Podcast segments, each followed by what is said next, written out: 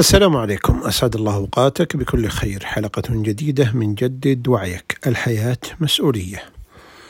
عندما يتعثر الولد ويسقط نضرب الأرض ونلومها. لكي نواسيه ويكف عن البكاء ونعلمه في ذلك اليوم أول دروس اللوم.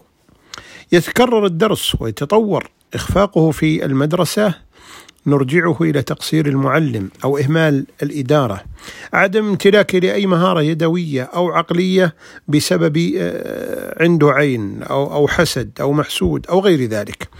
وزنه الزائد وخموله في الغالب بسبب أمراضه الوراثية. حتى عملية التنفس وضربات القلب لو لم تكن لا إرادية لمات عند أول ثانية ميتة طبيعية. يقول الشاعر أيها الشاكي وما بك داء كيف تغدو إذا غدوت عليلا؟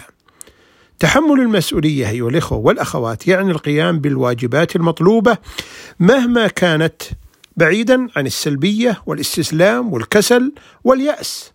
يا أخي أنت وحدك المسؤول عن أمورك كلها عن سعادتك أو تعاستك عن نجاحك أو فشلك عن جودة حياتك.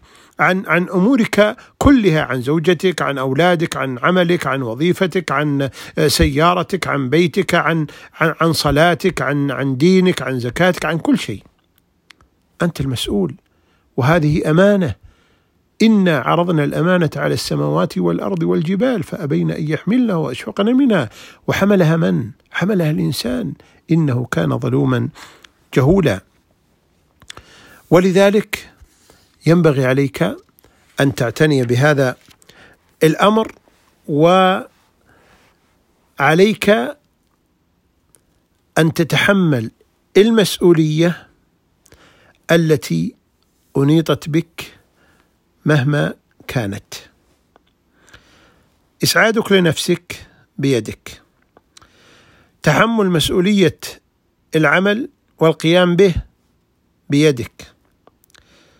تعاستك بيدك. لا تلقي بها على الآخرين وتلوم الآخرين. والله وزنك زائد على سبيل المثال. والله بسبب يا أخي الأجواء عندنا ما يعني ما تشجع على الرياضه والمشي. إخفاقك وعدم مواصلتك للتعليم بسبب والله يا أخي تعقيدات الجامعات وغيرها. العمل تقول والله البيئة غير مناسبة للعمل وما في تحفيز للموظف. و كل ما ذكر لك شيء ألقيت باللائمة على الآخرين. ومن النادر القليل من يتحمل المسؤولية ويقول لا والله فعلا صحيح أنا مسؤول وأتحمل وأنا المخطئ وأنا المقصر وأنا كذا وكذا. ليس جلدا للذات ولكن ينبغي ان ان أن نتوسط و و و وأن نعدل في مثل هذه المسألة. بعض الناس يعني للأسف كل شيء في كل شيء في كل أمر في صغير أو كبير في خاص أو عام مباشرة يلقي باللائمة على الآخرين. ولذلك آه، يعني مثل هذا ابدا لا تحدث عن المسؤولية. فهو بارع في لوم الغير وأستاذ في خلق الأعذار وفي خلق الأعذار وماهر في التبرير والشكوى شعاره الاتكالية وأسلوب حياته الأنانية يتطفل ويتمارض. المهم أن يعيش دور الضحية وفعلا هذا التفكير جعله ضحية. هم هكذا أصحاب العقول والنفوس الصغيرة. أما أصحاب النفوس والعلوق والعقول الكبيرة وأصحاب الهمم فيقولون إذا لم تستطع أن ترقص فلا تلم الأرض وإذا لم تأتي إليك السفينة فاسبح نحوها وإن كانت الأيام عصيبة فلا بأس فإنه بإمكانك أن تجعلها أفضل. وثمة حلول كثيرة جدا جدا جدا في أي أمر من الأمور التي تواجهنا في في حياتنا. والناجح هو الذي يخلق من المشكلة ألف حل ومن الأمور المعقدة يخرج بألف طريقة لحلها وحلها.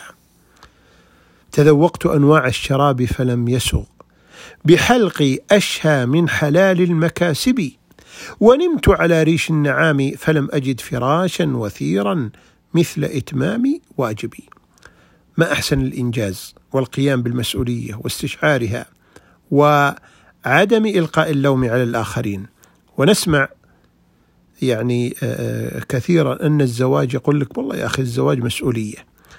وصدق القائل وإن قالها تهربا وليس الزواج وحده مسؤولية. إيه، تكوين الأسرة مسؤولية الزوجة مسؤولية الدراسة مسؤولية العمل مسؤولية القيادة على الطريق مسؤولية اختيار الصديق مسؤولية حتى الكلمة التي تقولها مسؤولية حتى ما تكتبه مسؤولية.